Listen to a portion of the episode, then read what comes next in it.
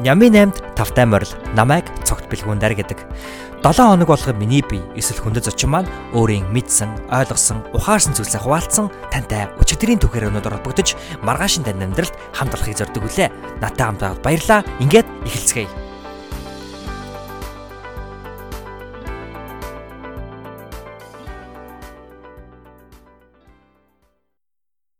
Сайн байцгаана сонсогчдоо энэ хүрээд манай Ямин 8 подкастын маань 37 дугаар дугаар хүрэхэд бэлэн боллоо. Энэ удаагийн дугаарын маань хүнөж очин хинбэ гэхээр Ганбаатар овогтой учрал. Учралтай би хамгийн анх ямар сувгаар дамжуулан танилцж байсан бэ гэхээр өнөөдрийн дэлхийн ертөнцийн блог бичээчдийн хамгийн чухал платформуудын нэг болоод буй medium.com дээр бичиж буй түүний блогуудаар дамжуулан танилцж байсан юм. Тэгэхээр учрал бол өөрөө яахын аргагүй тэрхүү medium.com дээрх Монголын чухал бүсгүй эмгтэй төлөөлөгчдийн нэг бол яахын аргагүй мөн түүний бичиж байгаа сэдвүүд а миний сонирхдаг сэдвүүдтэй бол маш адилхан. Тэр ч утгаараа би учрлын блогуудыг бол их шимтэн уншдаг маш гайхалтай хэв маягаар бичдэг надад маш таалагддаг маш өөрийнхөөрөө маш зоригтой бичдэг бичээч гэж би бол боддөг юм а за medium Zig.com-оор дамжуулж блог бичгээс гадна учрал өөрөө маш олон ажлуудыг зэрэг амжуулдаг бүсгүй байгаа. А ямар ямар ажлуудыг амжуулдаг хэн болохыг нь та бүхэн нэвтрүүлэг эхлээд шууд ойлгож мэдэж бахархаж авна гэдэгт бол би итгэлтэй байна. А Энэхүү подкаст дээр бит хоёр ямар сэдвүүдийн талаар ярилцсан бэ гэхээр би нэгэн сэдвийг бол тусгайлан онцолмоор байна.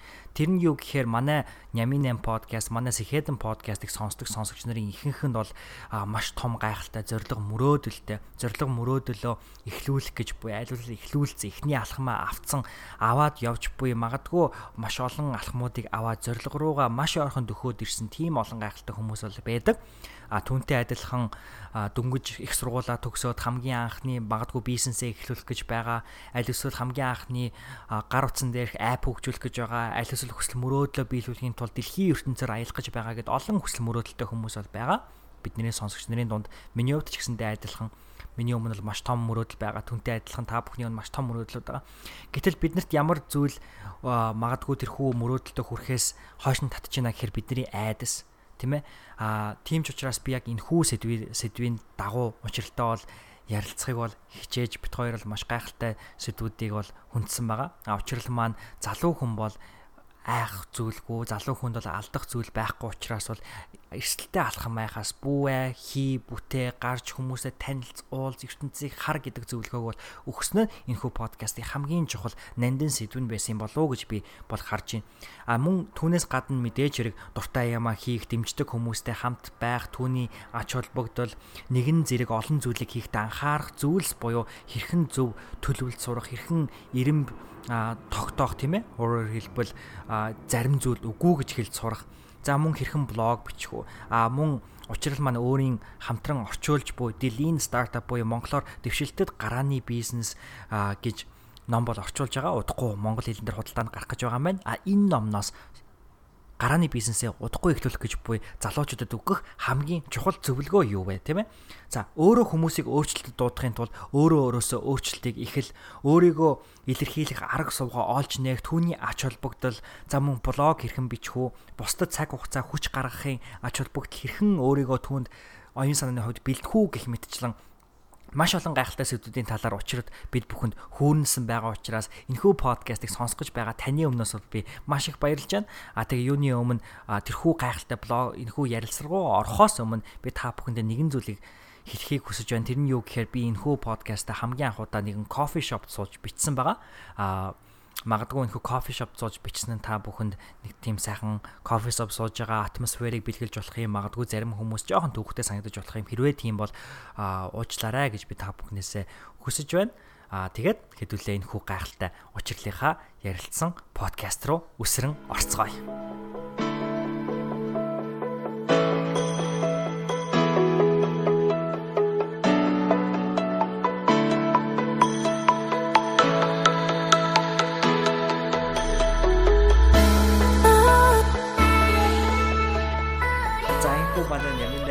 Подкастын 37 дугаарын урилгыг хүлээж авсан. Учралдаа маш их баярлалаа. Энэ өдрийн минь төргий. За баярлалаа. Урьж оролцуулж аваад баярлалаа. Чамд ч гэсэн энэ өдрийн мэндийг хүргэе подкаст сонсож байгаа хүмүүстээ бас минь хүргье. Тэгэлгүй ах уу маш их баярлалаа. Тэгээ учирлыг юуны түрүүнд бас манай сонсогч нарт өөрийгөө танилцуулаач ээ гэж хүсэж байна. Аа. За намайг учрал гэдэг Монгол Улсын их сургуулийн сэтгүүл зүйн сэтгүүлч мэрэгчлэр төгссөн. Тэгээд одоо болохоор entrepreneur entrepreneurship гарааны бизнесийн салбарт суралцаад ажиллаад явж байгаа. Ер нь бол ирээдүйд business woman болох зорилготой ажиллаж байна. Тэгээд ер нь бол 20 настайгаас 18 настайгаас эхлээд нийгмийн ажил сайн дурын ажилд идэвхтэй оролцсон. Ер нь бол volunteer ажил тэгээд залуучуудын одоо хөгжил зориулсан ажлуудад сайн дураараа оролцож явсаа. Одоо ч гэсэн бас оролцсоор байгаа. Ер нь бол нийгмийн идэх оролцоотой байхыг хичээдэг. Нийгэмд бас өөрийнхөө багахан чадхуй хөв нэмрийг оруулахыг хичээж явдаг тийм хүн байна. Учрал маань ер нь бол medium.com дээрх одоо Монголын хамгийн том төлөөлөгчдийн нэг гэж би боддог. Аа би тэгээд ингэж сумаар юм л да. Хэрвээ магадгүй сэтгүүлч гэдэг мэрэгжлийг сонгоогүй байсан бол блог бичих байсан болов уу? Аа, ер нь бичих байсан баха. Аха. Яг хизэнээс бичиж эхэлсэн бэ? Яагаад бичиж эхэлсэн бэ? Яг блог бичиж эхэлсэн үе гэх юм бол 15 оноос яг ажлын шаардлагаар гэх юм уу бичих сонирхол ажлын шаардлага хоёр уялдаад entrepreneur-дэд зориулсан блог бичиж эхэлсэн. Тэгээд явандаа ер нь бол бичижсэн чинь юу гэдэг одоо нөгөө блогер хүмүүсийн нэг нийтлэг зүйл байдаг байхгүй юу? Бичиж байгаа зүйлийг ингээ хүмүүс уншаад эргүүлээд нөгөө фидбек буюу сэтгэл ингээ хэлээд эхлэхээр тэр зүйлээ улам сайжруулад хүмүүст хэрэгтэй зүйл бичих хэрэгтэй байна гэсэн мэдрэмж төрдий мэлээ. Тэгээд яг мэрэгжлийн салбраас гадна хувийн туршлагууд хүмүүст хэрэгтэй байж болохоос тэр зүйлсийг бас өөрийнхөө мэдрэмжээр мэдрээд тэгээд ер нь бол 15 оноос хойш гэдэг чинь 16 гэдэг чинь 2 жилийн турш тасралтгүй блог бичиж байгаа. А блогоос гадна яг бичих туршлага гэх юм бол ер нь багасаа айгу бичих дуртай хөлтөөсөн. Багтаа шүлэг зохиодог а богино хэмжээрээ нийтлэл бичдэг, эссе, эссе бичдэг тийм хүүхдээс яг төрөлхийн тийм нэг жоохон бичих өвөлтөлтэй юм шиг байгаа. Сэтгүүлч биш байсан ч гэсэн тэр нэг цаад нэг сонирхлоороо дамжуулаад ямар тач бичмэд явж явах байсан гэдэгтээ бүрэн итгэдэг. Өөрөө ирээдүйд ер нь бол бизнес вумен болно гэж боддог гэж хэлсэн шүү дээ. А би болохоор өөрийг нь аль хэдийн яг болчих юм болчихсон гэж боддог аахгүй. Ягаад тэгэхээр хийж байгаа зүйлсүүд надад тгий санагддаг. Ялангуяа сүүлд entrepreneurs гэх тийм ээ. Тийм пэйж нэг төсөл хэрэгжүүлээ явж исэн явж байгаа. Үүнийхээ талаар ярил энэ яг юу юм бэ? Ямар зорилгоор яагаад ихлүүлсэн юм бол? Аха, гоё асуулт байна. Entrepreneurs болохоор яг нөгөө хүрээлэн буй орчны асуудлыг анхаарсан залуучуудын дэлхийн нийтийн хөдөлгөөн баггүй юу? Тэгээд 2016 онд Парист болсон цагуурын өөрчлөлтийн эсрэг нэгдсэн чуулганы дараа санхүүжилт аваад хэсэг бүлэг залуучууд одоо 23 4 5 та залуучууд үүсгэн байгуулсан Youth Sustainable Impact гэдэг компанийн дэргэдэх хөдөлгөөн. Одоо ер нь бол 50 гаруй 50 гаруй оронд зэрэг үүсгэн байгуулагдаад хүрээлэнбөө орчин тэр дундаа тогтвортой хөгжлийн зорилгоуд гээд нэгдсэн үндэсний байгууллагаас баталсан 17 зорилгын хүрээнд үйл ажиллагаа явуулах а дээрэс нь тэр зорилгод залуучууд хүмүүстэй аливаа улс орон тухайн community одоо entrepreneurship инновац гарааны бизнесийг ашиглаж тэр зорилгоудад хүрэхэд одоо мэдээлэл дэмжлэг олгодог team зорилготой community. Тэгээ энэ community-г үүсгэн байгуулсан түүх өөрөө аягүй сонирхолтой. А яг тэр youth sustainable sustainable impact гэдэг тэр хөтөлбөр өөрөө жилд нэг удаа аппликейшн аваад Аа тэгээд яг 30 залууг дэлхийн улс орон болгоно аваад 5 сарын турш одоо нэг гарааны бизнесийн төсөл дээр алсын зайнаас буюу одоо онлайнаар нэг баг болж ажиллаж агаад 5 сарын дараа Норвегт очоод Норвегт бүүнөрөө уулзж агаад нөгөө бизнесээ инкубаторд оруулаад яг лонч хийдэг тийм хөтөлбөр ахгүй юу. Тэгээ би энэ талаар мэдчихэд бүр яагаад чи энэ хөтөлбөрт өөрөө би нөгөө нэг тэр entrepreneurship инновацийг аягүй сонирхдаг болохоор энэ хөтөлбөрт явахыг аягүй хүсээд тэгээ 2017 онд анх удаа аппликейшнээ явуулж үзсэн байхгүй юу.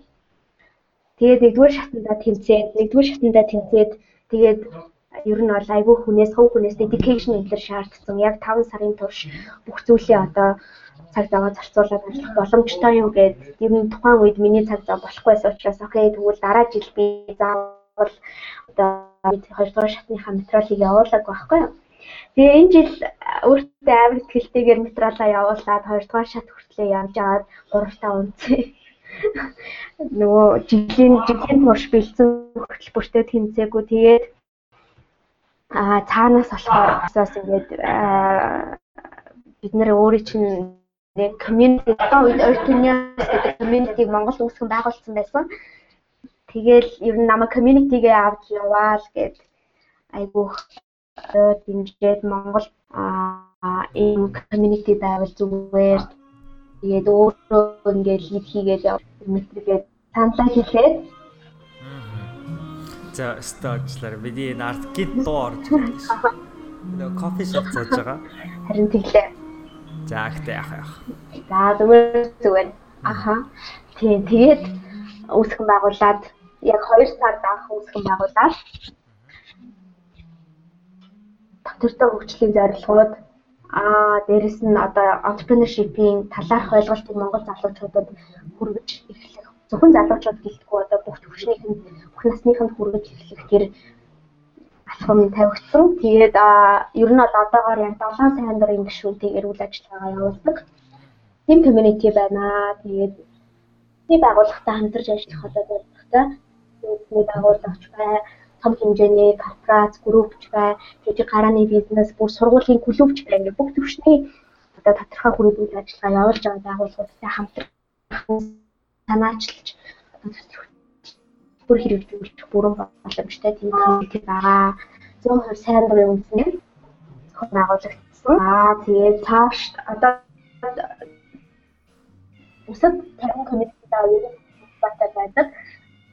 Аа өөртөө нэгдсэн одоо үсэн комьюнитидээ зөвхөн холбоотой байж үйл ажиллагаагаа хамтарч ярилцаж сайжруулах зүйлсээ ярилцаад явдаг. Тэгээд одоо энэ 8 сард бол тухайн одоо 50 орныг хамарсан глобал хакатон бас зохион байгуулагдсан. Тэрний хакатон X нь одоо Монголд бас 8 сард зохион байгуулагдахаар төлөвлөгөө бол эхэлсэн байна.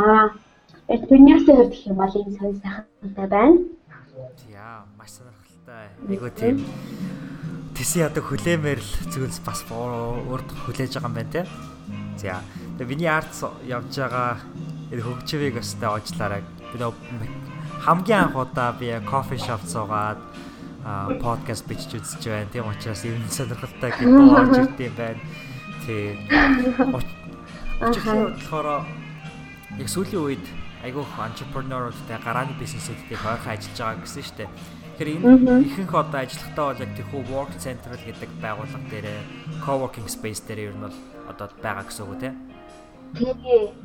Аха. Энэ бол 24 цагийн бараг 14 цагийн co-working space дээр өнгөрүүлдэг ажиллаа хийгээд дууссан ч гэсэн энд байгаад энд байгаа entrepreneur залуучууд бусад хүмүүстэйгээ хамт байж хамт одоо янз бүрийн юм хийх те бизнесийн тухай ярилцах, шин санаа оноо уралдуулах, эсвэл зүгээр хамт теннис тоглох, PlayStation тоглох энэ мэт гээд янз бүрийн зүйлсийг хамт хийдэг. Тэгээд Work Central Co-working хувьд гэх юм бол ер нь Co-working Space өөрөө гарааны бизнесийн экосистемийг хөгжүүлэх хамгийн чухал хүчин зүйлүүдийн нэг бүрдүүлэгчийн одоо хүчин таван хүчин зүйл байлгах тэрний нэг бол заавал багтцтай зүйл байгаа.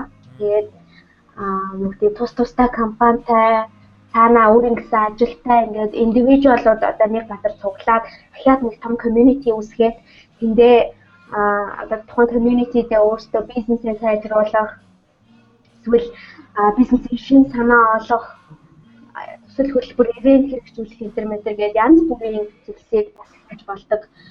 Тийм чөлөөт орчин байгаа. Гарааны бизнесүүдийн инкубатор төвөөс гадна хүмүүсийн эсвэл одоо нийгмийн харилцааг дэмждэг тийм байгаа гэж хэлж байна. Учирлын блогуудыг уншиж байгаад бас яг энэхүү яг workspace-ийн талаар блогууд бас бичсэн байсан те. Тэгээ ингээ уншиж байгаад их сонирхолтой адал явдлаар дүүрэн газар мэт санагдчихсэн. Энэ 7 хоногийн хувьд ер нь энэ space яг юу болж өнгөрөө сонирхолтой, их хадал явдалтай ямар шиг 7 хоног болж өнгөрсөн бэ?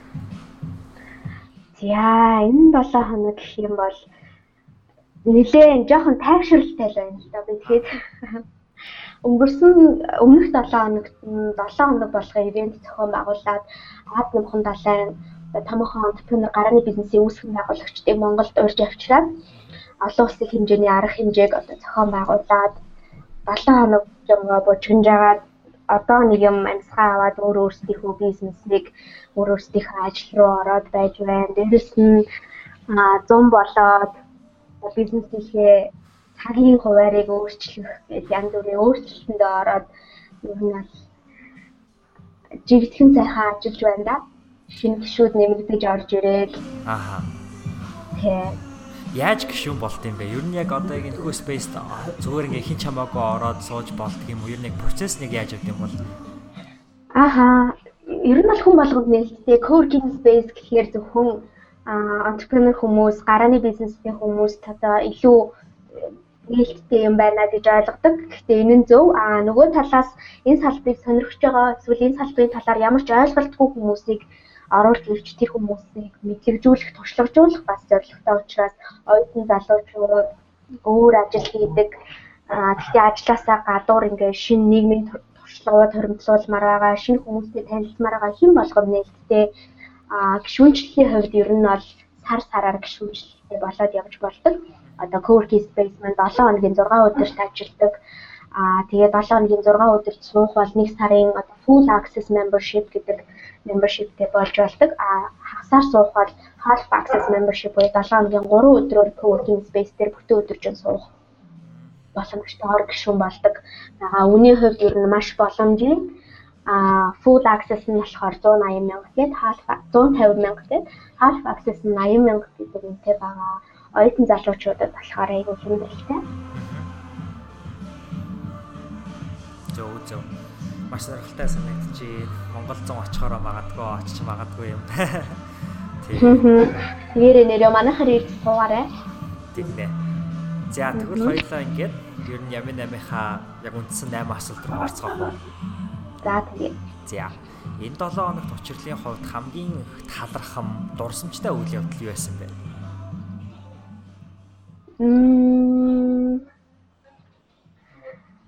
Аа ер нь бол айгүй олон хүмүүст баярлж талархтгаа ойлгож мэдсэн. Тэгээ яг сургуулаа төгсгээд дипломны ажлаа бичиж яхад дээрэс нь юу гэдэг яг амьдралын ингээд олон үйл явдал тий онцгой мөчүүд нэгэн зэрэг тохиох жахад хүмүүсийн намайг миний нөхцөл байдлыг ойлгож байгаа байдал айгүй их талархан санагдсан. Одоо жишээлх юм бол ажил дээрээ би чинь энэ сургуулийнхаа хажуугаар ажилладаг. Тэгээд ажлынхан маань ингэж чөлөө олох ч юм уу тий. Тэр нөхцөл байдлыг ойлгоод окей чи 7 хоног яваад дипломоо бичээдэг. Тэгэл чөлөө олгоод диплом удирдах байгаа багш яг найз шиг харилцаал тий. Айгүйх одоо тусламж дэмжлэг үзүүлж ойлгож ярилцаж алдаа оноог шууд хэлж өгөөд мэдчлэн ер нь эргэн тойронд байгаа бүх хүмүүсийнхээ нөгөө сайхан хүмүүсээс байна гэдгийг илүү их мэдрээлээж байна да. Ямар их сайхан хүмүүсээр хүрээлэгдсэн юм бэ гэдэг. Ер нь бол бас айгуу гоё хүмүүстэй хамт байдаг гэдгийг мэднэ. Гэхдээ одоо яг яа ч юм илүү тэрийг илүү сайн мэдрээд гэр бүлийнхэн найз нөхөд хамт ажиллаж байгаа хүмүүс зэргийнхээ хүчээр ер нь өдөд хийж байгаа зүйлсийг хийх эрч хүч сэтгэл амар байдал тий тэр бүтээлч байдал нээлттэй байдал зэргийг олж авсан байна гэж ойлгоод байж байна. Дээрээс нь маш олон зүйл давхцаж а завгүй дээрээс нь жоохон стресстэй явж байхдаа өөрийнхөө талаар илүү их ойлгож мэдсэндээ хамгийн их баяртай байгаа. Яг өөрийнхөө одоо илүү цаашид сайн ажиллах сул тал те өөрийнхөө давуу тал өөрийнхөө одоо юу гэдэг хийж чаддаг зүйлсийн тухай өөрийнхөө өнөөдөр байгаа төвшингийн тухай маш сайн ясандаа тултал ойлгож байгаадаа хамгийн их баяртай байна. Сүүлийн 2-7 хоногт өөрийнхөө тухай маш их зүйлийг ойлгож авсан маань бас тооцлох зүйл юм болов бахархан явах юм болов гэж бодож байна. Тий, миний хувьд ч гэсэн яг энэ 5 сар бол яг адилхан маш олон зүйл давхцсан юм уу байсан. Тэгээд ара араасаа маш олон зүйл давхцаад гой гой үйл явдлууд тохиолдоод тэгээд тэр үйл явдлуудыг хамт хуваалцж байгаа хүмүүс хүмүүсээ ингээ мэдрэхээр үнэхээр яхаа аргагүй амьдрал талархмаар санагдчихсэн. Тэгээ учирлын яриг сонсож байхад ингээд сургуулийнхаа хажуугаар ажил хийдэг. Тэгээ ажил нь болохоор яг өөрийнх нь хийх дуртай зүйл гэж би ойлгож байна л да. Өөрөө тэрэнд их тийм хайртай те. Тэгэхээр ер нь ингээд олон зэрэг зүйлсүүдийг олон зүйлсүүдийг нэгэн зэрэг ингэж одоо амжуулахад хамгийн чухал хогонд байх ёстой чадвар юм юу юм болоо. Одоо миний хувьд энэ дээр бол жоохон алдаад идэг нэг хэсэг байхгүй нэг зүйлээс нөгөө зүйл рүү ингээ шилжихтэй жоохон айгүй хүч энерги алдаад идэв юм шиг санагддаг. Учирлын үед яаж одоо энэ асуудлыг шийддэг вэ? За ер нь бас л адилхан да. Хэцүү ш тэгээд олон зүйлийг зэрэг хийгээд явах. Гэхдээ яг үндэс суурин гэх юм бол эргээд нөгөө үнэхээр дуртай юм а хийж байгаа бол үнэхээр өөрийг чинь дэмжиж ойлгодог, үргэлж одоо юу гэдэг нээлттэй харилцдаг хүмүүстэй хамт байгаа бол мультитаскинг гэдэг зүйл бол юу гэдэг дүүжингүү өрн дээр гүгтэй адилхан. Олон зүйлийг зэрэг хийгээд тий олон зүйлийг зэрэг хийгээд эрсдэлтэй тий а нэг зүйл дээр хит их анхаарал төвлөрүүлчих юм бол нөгөө зүйл алдагдах эрсдэлтэй. Гэхдээ үнэхээр дуртай бол тэр зүйлсийг гэдэг одоо менеж хийх тийм сэтэл арга ухаан гардаг юм байна л тийм. Аа зарим зүйлийн төр хойшин тавиад эсвэл хүчээ хуваарлаад план тэр төлөвлөх үйл явцаа аягүй сайн гаргах хэрэгтэй юм байлээ. Тэгээд аа одоо ер нь бол би мультитаскинг хийхээ болиё гэж бодож байгаа. Одоо болоод их хэлсэн л дээ блог бичээл энэ бас нэг газрын сошиал медиа маркетинг хийгээл дээрэс нь өөрийнхөө сайн дурын ажлыг хийгээл хажуугаар нь өөрийнхөө part time ажлыг хийгээд тэгээд нөгөө тал сургуультаа яваад үнэхээр маш хэцүү байсан. Бүгдэнд нь дуртай ч гэсэн дуртай болгоно хийгээд иж болтгүй мэлээ. Тэгэхээр ганц нэг юмыг бол яалтчгүй золиослох хэрэгтэй болсон. Тэгээд ер нь золиослохын золиослоод одоо яг үндсэн 2 3 зүйлээ барьж аваад хийгээд явж байгаа. Тэгээд илүү одоо хүчлэхэг дээрэс нь одоо тайм менежмент буюу цагийн хуваарлалт а бас үгүй гэж хэлэхдээ хизээ yes гэж хэлэхээ илүү сайн мэддэг болсныхоо дараа дахиад нэг юм уу хоёр зүйл нэмж хий гэж бодож байгаа. Одоохондоо бол яг хөрхөл хэмжээнд тэгээ 3 зүйл 3 4 зүйлийг хийгээд явахгүй бол бүтээлч байдал болоод гүйцэтгэлээр яалтч гүйцэтгэл өгөхгүй нөгөө Done done better than perfect гэдэг л болоод ирсэн учраас өөрөө ч тэрэндээ сэтгэл хангалуун болсоолаа зарим зүйлсийг бас зогсоосон байгаа.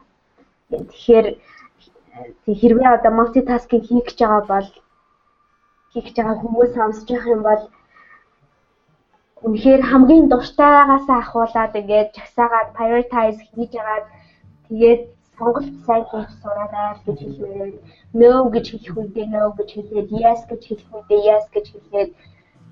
Тэгээд явбал ер нь зүгээр нэг үедээ залуу хүмүүс 20 хэдэн настай 18-аас 25 насныхан тэр мэд хүмүүс байвал олон зүйлийг туршаад үзээсэй гэж би хүсдэг байхгүй юу? Яагаад тэгэхээр бид нарт алдах зүйл байхгүй. Туршлагаас илүү үнцэнтэй зүйл. Бидний насанд хөрөнгөлөгдөхгүй учраас олон зүйл хийж үзхийг дэмждэг. Гэхдээ тэр зүйлээ эренблээд тий аль нь өөр чинь хамгийн илүү үнцэнтэй вэ гэдгийг л сайн мэдчих юм бол тэгээ яваанда сайн хийж чаддаг зүйл чинь хамгийн дуртай зүйл чинь ингээд ялгараад үлддэг юм шиг байна. Тэгж боддог шүү дээ. Зөө зөө маш гайхалтай хариултуудад маш их баярлалаа. За баярлалаа. За хоёулаа ингээ хоёрдугаар асуулт руу оръё. Тэр нь юу гэхээр энэ 7 хоногт онцлох ном, сонин, медиа артикл эсвэл дижитал контент юу вэ? Яагаад асуулт байна? Ер нь бол сүүлийн сард дипломны маань ажил дижитал медиа контентын чиглэл рүү учраас энэ салбарын мэдээ мэдээллийг аюул сайн ухаж үзэж байгаа. Тэгээд ер нь дижитал контент талаас ярих юм бол гой гой одоо медиум би айгүйх медиум уншдаг. Medium.com-ын блогуудыг уншдаг. Яагаад гэхээр хүмүүс одоо гэдэг захиалгатай хит их ашиг харж бичсэн нийтлэл маш бага байдаг, бараг байдаггүй тэр хүмүүсийн өөрийнхөө алт шиг туршлагыг хүмүүстэй хуваалцж байгаа. Маш гоё цэвэр тийм алт эрдэнэс шиг блогууд байдаг. Маш гоё туршлагууд. Тэднийг уншаад илүү олон медиумын блог уншсан. Тэгээд онцлог мэдээ артикл гэх юм бол яа энэ дээр чинь харин орж ирдгүй а онцлог ном харин юу байна? The Lean Startup гэдэг ном байгаа За монгол хэл дээр удахгүй орчуулагдж байгаа тийм ном байгаа. Монгол хэл дээр бол дэвшилтэд гарааны бизнес гэж орчуулагдж байгаа. Одоо дэлхийн 50 гаруй орнд орчуулагдсан. А 50-аас илүү ч гэж магадгүй би андуурч гэж магадгүй орчуулагдсан гарааны бизнесийг библ гэгддэг а химнэлтэд дэвшилтэд гарааны бизнестэй lean startup гэдэг энэ номыг онцлмоор байна. Ягаад тэгэхээр сүүлийн хэдэн сар би өөрөө бас энэ номыг орчуулсан. А стартап Монгол төрийн бас байгууллагын байгууллагатай хамтраад хамтран орчуулсан ном маань. Тэгээд ер нь бол гарааны бизнесийн талаар илүү ихийг ойлгож аваад гарааны бизнесээ илүү хийгүү байгаа ч гэсэн яаж одоо маш цаг заваа хэмнэсэн мөнгөө хэмнэсэн онч ухаан ухаалаг одоо гарааны бизнесийг эхлүүлж зөв голдролоор явах вэ гэдэг тэр жорыг би энэ номноос олж авсан гэж үзэж байгаа. Алчиг үнтэй маш гоё сайн бичигдсэн ном байсан. Тэгээд энэ номыг бол онцлмоор байна. Яг дипломны ажилдаа ч гэсэн ашиглах гэдэг өчигдөрхөн бас нээж хараад эхнээс нь өөрөө орчуулсан ч гэсэн ингээд дахиж хараад аа ингээд дахин ойлгоод ингээд хаа ханаас нь авах юм айгүй ихтэй ном байгаа учраас энэ номыг бас онцлмоор байна. Энэ номноос хэрвээ яг нэг зүйлийг онцолж тийм яг нэг гол санааг онцолж ялангуяа одоо гарааны бизнес эхлүүлэх гэж байгаа хүмүүст зөвлөх нэг зөвлөгөө юу байх бол яг хамгийн гол гэж гол санаа. Яа. Юг юг хийж байгаадаа бас яагаад хийж байгаа дээрээ төвлөр гэж зөвлөсөн байсан. Яа тэгэхээр ихэнх гарааны бизнесүүдийн алддаг алдаа гэх юм бол эхлээд яагаад хийх гэж байгаа гэдгээ тодорхойлолгүйгээр хэнд зориулж юу хийх гэж байгаа вэ гэдгээ төрүүлж тодорхойлоод тэгээд юу гэдэг юм маш гоё тийм гоё харагддаг айгүй технологийн өндөр одоо шийдлийг ашигласан аппликейшн гаргачлаа гэж бодоход яг үндэ яагаад гаргаж байгаа вэ гэдэг асуултаа асуугаагүй бол эрхэнд ч хэрэггүй зүйл болж хүрнэ а нэгэнт гаргацсан юм чинь гээд хэрэглэгчдэд зах зээл рүү шахаж болтгоо. Хүний хүсээгүй зүйлийг хийцэн байх юм бол тэр өөрөө эргээд алдагдал болж ирдэг. Энэ номын гол утга учир гэх юм бол ерөөсөө лин гэдэг чинь өөрөө хэмнэлттэй байх гэсэн үг шүү дээ.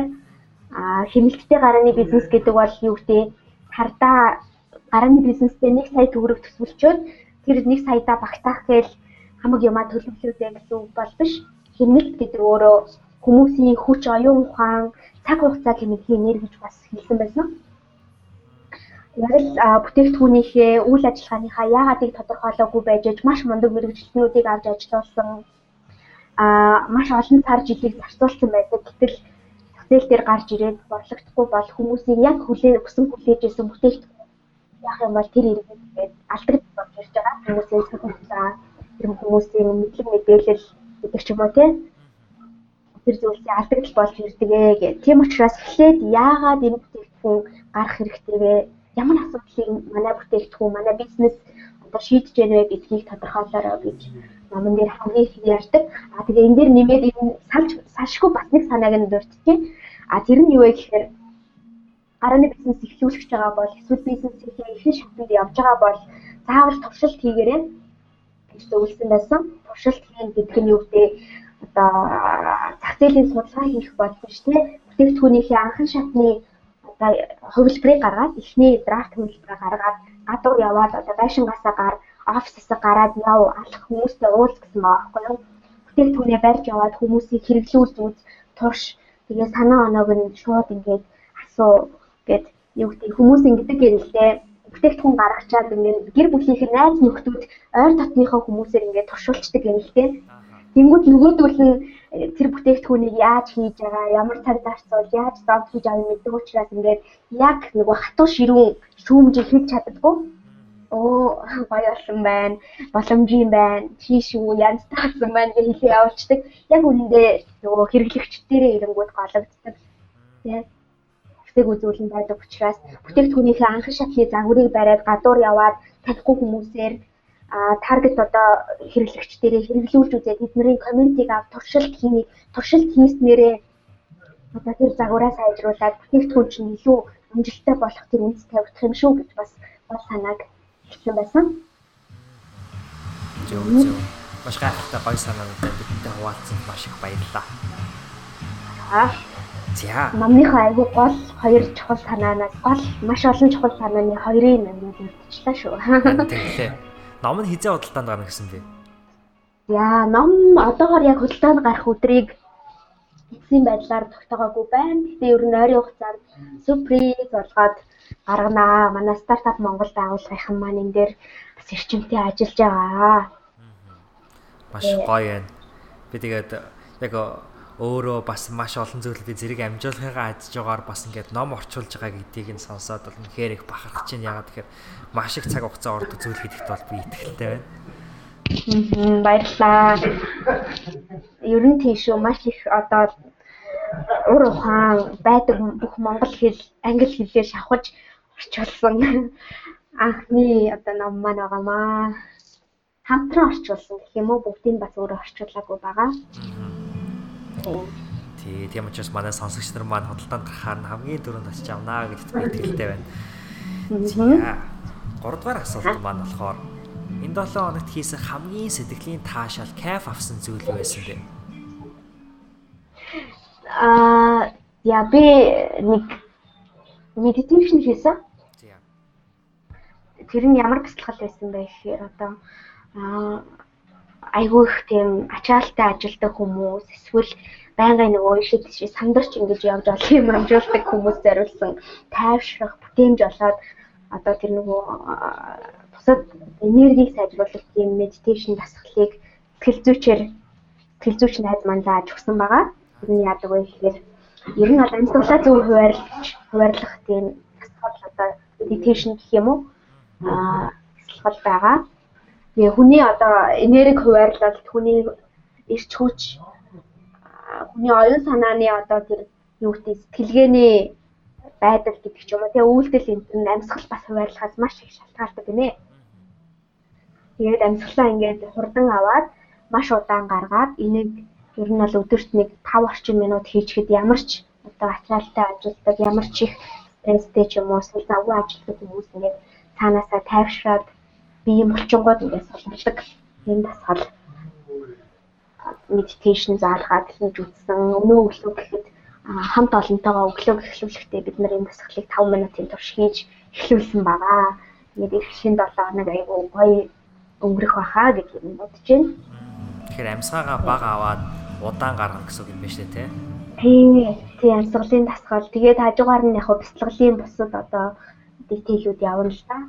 Юу гэдэг хүмүүсийн тухай бодох тийм хүмүүст сайн сайхан зүйлсийг хүсэх гэрэл түгээх гэтэргээд таслгалын үеэр нэг гой гой өвгнүүд хилдэг шүү дээ.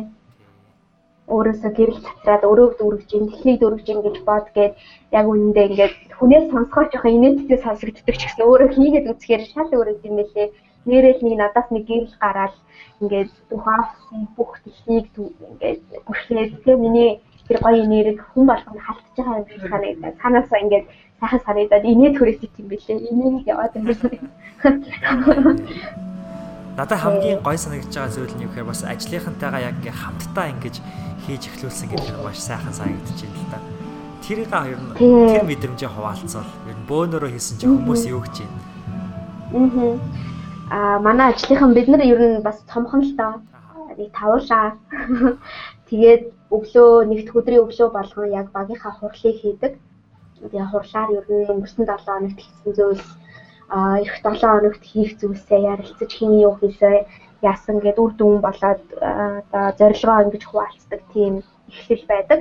А тэгснийхээ дараагаар бид хэд ингээд тойрч сууж агаад би өөрийнхөө сурснаар тий яг бүх зүйлийг үлдээлгүйгээр амьсгалын дасгал болоод гэрэл түгээх өөртөө сайн сайхан энерги хөрвүүлэх болоод бусдад түгээх тэр дасгалаа хийгээд манайхан гоё яана л гэж хэлсэн. Тэгээд 7 хоног эсвэл сар хийсний дараа бас илүү бодит үр дүн гарах болоо гэж бодож байна. Яг хүүхний хандлага болоод энийг өөртөө зуршил болгосон байдлаас илүү үр дүн гарах баха гэж бодож байна. Өнөөдөр эхний өдрөө хийсэн болохоор бас таалагдлаа гэдгээс өөр юм санаагүй л байна. Нэг ийм асуулт байна л да одоо ингээ учирлын хувьд жишээ нь ингээ за хэдүүлээ ингээ сайхан бясалгал хийгээд ингээд хэлэхээр түүнийг нь хүлээж авдаг, түүнийг нь тгий хийцгээе гэдэг тийм сайхан баг хамт олон байна те.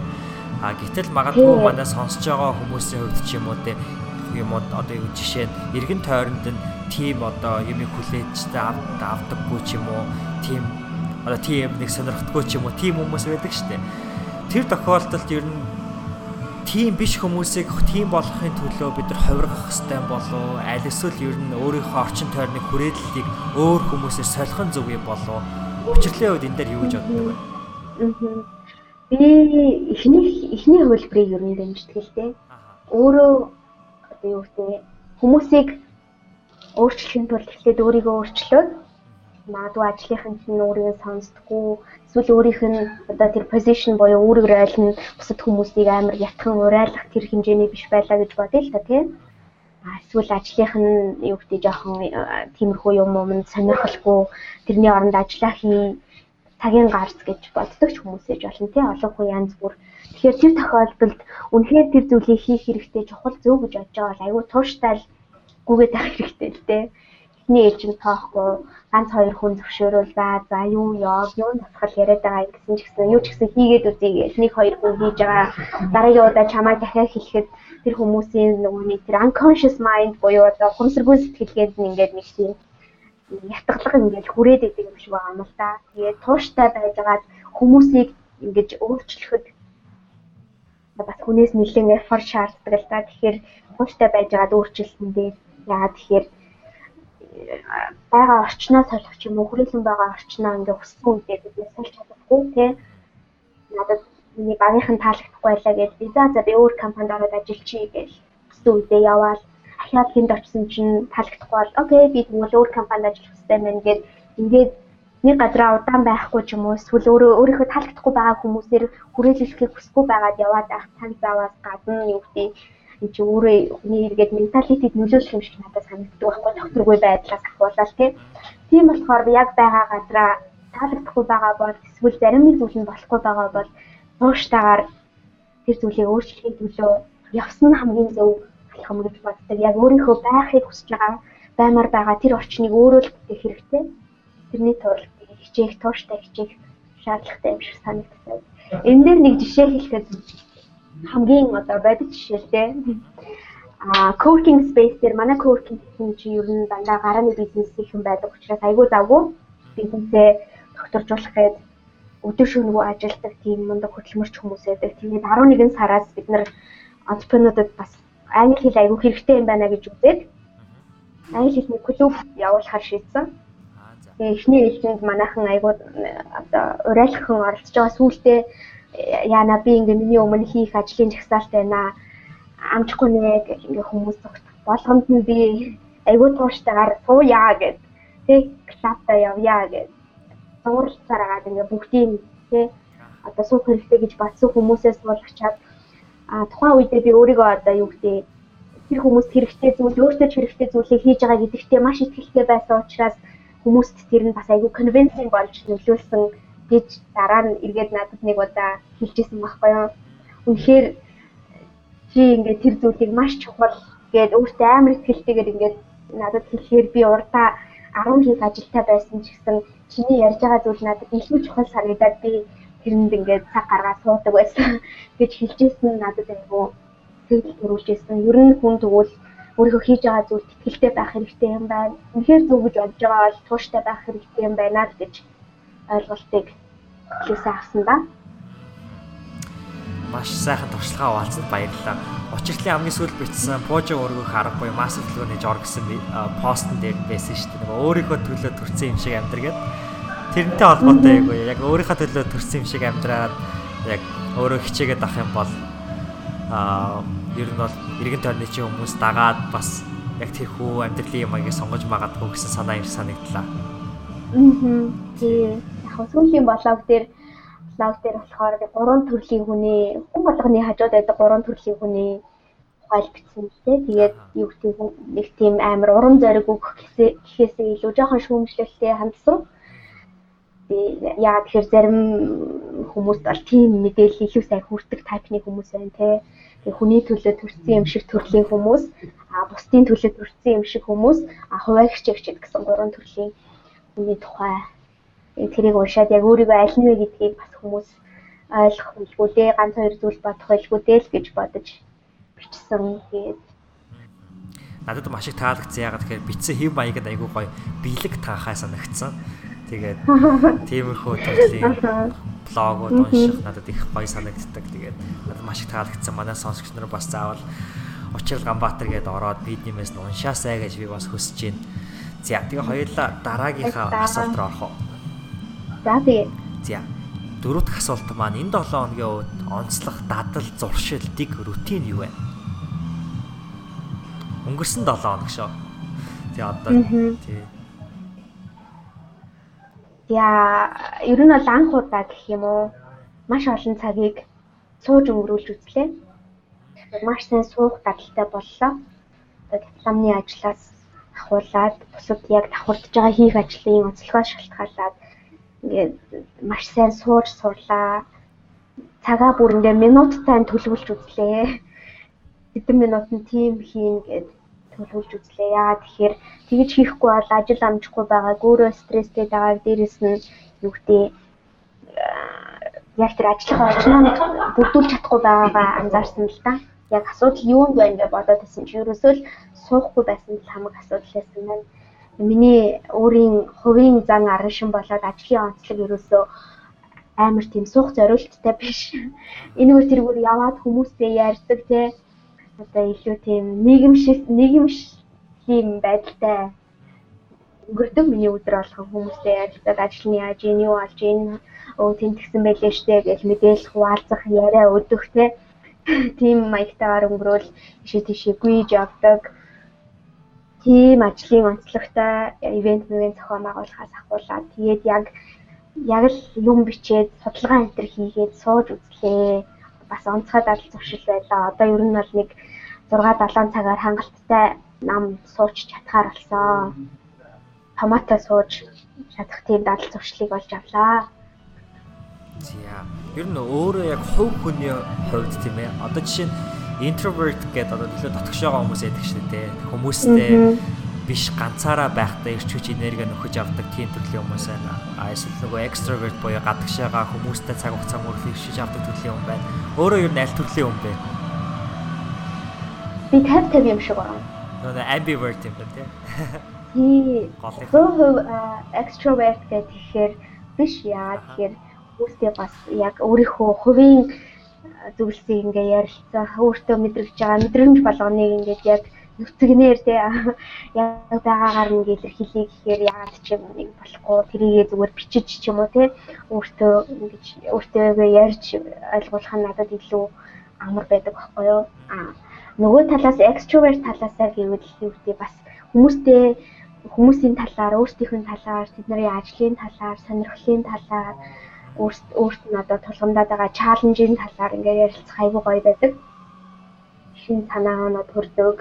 Тухайн хүмүүсийн талаар илүү их мэдэж авдаг. Аа тэгээ мэдэж авснараа дараа нь тэр хүнтэй хэрхэн харилцах, эсвэл хэрхэн хамтарч ажиллах вэ гэдэг одоо тэр үе хаалга нэгддэг гэх мэтчлэн. Тэгэхээр ажил одоо бусад нийгмийн харилцаа тал дээрээ бол маш extrovert а хувь хүнийхээ туршлага хувь хүн тал дээрээ бол айгүй introvert ер нь бол өөрийнхөө талаар амар их одоо яг хувь хүнийхээ талаар нэг ярих сонирхолтой юм байна гэдгээ мэдэж авсан. Яг тэр тухай ярихаар ингээд олон хүний өмнө тайзан дээр гараад ярихаас ч илүү маш сандардаг. Гарын алах хөлрөөж тэгээд ингээд яг өөрийнхөө тухай ярихаар амар хурдан яриад тавдахгүй санагддаг. Тийм болохоор introvert юм байна гэж бодоод заримдаа өөрийнхөө одоо communicate хийж байхдаа ярьж байхдаа илэрхийлж чадахгүй байгаа зүйлээ блогоор илэрхийлдэг. Тийм болохоор ер нь блог бичих дуртай юм уу? Аа. Өөрөөсөө хэллээ л дээ ингээд өөрийнхөө дотоод гэдэг юм уу яг өөрийнхөө хувийн талаас нь ярихад нэг тийм тааламжтай байдаггүй. Гэхдээ илүү бичгтээ бол илүү тааламжтай гэдэг юм уу? Одоо comfortable буюу тухтай байд юм байна те. Тий, ер нь бол яагаад тэгэж асууж чинь гэхээр нэг ийм блог байсан гин санаанд ороод нөгөө 23 наснда сурсан 20 зүйл гээд тий Тэрэн дээрээ маш өөрийнх нь тухай өөрийнхөө тухай маш гоё алдаа оноогоо бичсэн байсан. Тэгээд тэр нэг нь харж байхад өөрийгөө маш гоё илэрхийлж сурсан байна гэж би бодож ирсэн аахгүй юу. Яа тэгэхээр би өөрөө яг тийм зүйл бичихийг ч юм уу хүсдэг. Тэгэхээр ер нь бол бас хүн өөрийгөө илэрхийлэх тийм зөв совгоо олох их зөв юм шиг байна тийм ээ. Ер нь яаж тэгэж зөв сувгаа олох хэрэгтэй болоо. Олж болдсон бол ер нь тэн дээр юу гэж бодож байна. Тэрэн дээр одоо хайхаас л эхлэх бах та. Туршаад туршиж үзээд хичиж үзээд, зурж үзээд, дуулж үзээд, ярьж үзээд аль нь илүү тав тухтай санагдаж байна. Алийг нь хийхээр өөрөө илүү баяртай байна те. Тэгэл эсвэл сэтгэл амар байна. Өөрийнхөө тэр одоо хувийн үнэт зүйл өөрийнхөө хүн болгонд илэрхийлдэг тэр зүйлийг бичих аргаар илэрхийлсний дараа ингээд сэтгэл чинь 50 байна уу гэдгийг айгүй их анхаарах яг өөртөө ойлгох шаардлагатай байлээ л дээ. Тэг. Тэгээд тэр сувгаа олчих юм бол бас нөгөө талаас аа хүмчин юу гэдэг нийгмийн анти юм болохоор өөрийгөө илэрхийлэх хэрэгтэй бол өөрийгөө одоо юу гэдэг нэх хэрэгтэй байнгын байдаг юм шиг санагддаг. Тэгээд хичнээн интроверт байлаа гэд хүнд юмаа ярихгүй яваад иж болохгүй. Ямар нэг аргаар дотор байгаа зүйлээ гадагшлуулж хүмүүстэй хуваалцах хэрэгтэй болохоор тэр зүйл юу байж болох юм гэж үнэхээр өөртөө хайртай бол тий үнэхээр тэр зүйлийг гаргаж өөрийнхөө дотрыг 50 байлгамаар байгаа бол маш тууштай хайх хэрэгтэй олон зүйлийг туршиж үзэх хэрэгтэй. Тэгж байгаа л хэрэг олно да баярлаа маш гайхалтай. Гоё хариултаа ялангуяа надад юу нь хамгийн таалагдсан бэ гэхээр зүгээр бичиж явах та хийж явах та биш хийгээд дараа түүнийг бий болгоод хүргэснийхаа дараа авч байгаа мэдрэмжээ бас их чухалчил түү дээрээ төвлөр гэдэг надад маш зөв санагдлаа. Тий. Юу яадгээ яг блог бичгээд хаяа айгуух тийм emotional боёо сэтгэл хөдлөл айгуу чухал байдаг л да. Тухайн үед сонирхолтой ч юм уу жоохон эндээс илүү хүндсэн блог энэ төр бичлээ гэхэд тухайн үед сэтгэл хөдлөл айгүй өндөр байж байгаа блог гарсны маргааш хүний сэтгэл хөдлөл өөрчлөгддөг. Тэгээд аа тэгж өөрчлөгдсөний дараа бичсэн зүйлдээ сэтгэл хангалуун байж чадах юм бол тэр яг өөрөө чинь жинхэнэ блог мөн магадгүй маргааш нь хараад өө юу бичсэн юм бэ яана гэл те эсвэл юу зурсан юм бэ гэд бодоод тэр зүйлийг иччих юм бол бас хэцүү. Тэгэхээр хүнээс нэлээд одоо юу гэдэг мэдрэмж өөрийгөө ойлгох, өөрийгөө сонсох мэдрэмжийг бас шаарддаг юм байлээ гэж ойлгосон. Зөв зөв маш гайхалтай гоё зөвлөгөөнд маш их баярлалаа. За энэ 7 хоногт 5 дахь асуулт манайга хэн хамгийн их нөлөөг мөн хэрхэн үзүүлсэн бэ? Энэ 7 хоногт За миний диплом удирдах байгаа багш. Аа яагаад тэгэхээр яг нөгөө хувийн талаасаа би өөрийнхөө хийхийг зүйл хүссэн зүйлээ зорьсон зүйлдээ ер нь бол хүрдэг замтай боловч а нөгөө талаас ингээ нэг шамдрах юм бол жоохон сэхий авахгүй шамдарч гадаг тийм талтай. Тэгээд хийж байгаа зүйл дээрээ жоохон шамдрах гээд ингээд арга чарга жоохон барагдах гээд тийм байж хад багш маань ерөөсөө надад амар уран зориг өгчээсэн. Чи хийж чаднаа. Би чамд чадна гэдэгт айгүй итгэлтэй байна гэд нэг тийм нөгөө зөр юу гэдэг санаатайгаар урамшуулаад байгаа биш тэр хүн ингээл өөрийнхөө бодлыг зүгээр илэрхийлж байгаа нь багштай ингээд чаталдаг байхгүй юу. Тэгээд тэр үед бичиж байгаа нь ингээд чаднаа окей. За ингээд хийчих гэж айгүй нээлттэй чөлөөтэй харилцажсэн нь надад айгүй нөлөө болж юу гэдэг хүний хүний тухай боддог зүйлээ хүний талаар одоо төрсэн мэдрэмжээ тэр хүнд зүгээр л ингээд илэрхийлэх нь өөрөө ямар үнцэнтэй юм бэ гэдгийг айгүйх ойлгож багсан бас ирч хүч аваад юмаа ингээд үргэлжлүүлж хийх тэр сэтэл төрсөн. Тэгээ энэ долоо хоногийн хувьд бол юм байгаа. Бусад цаг үеүүдэд бол маш олон хүнээс одоо тийм нөлөө урам зориг одоо үлгэр жишээ авдаг л да. Тэрний нэг нь гэх юм бол манай Work Central Co-working Space-ийн хамтран үүсгэн байгуулагчдын нэг ОКО гэдэг ах маань байдаг. ОКО аа хэлсэн бас нэг үг нь ерөөсөө мартагддгүй.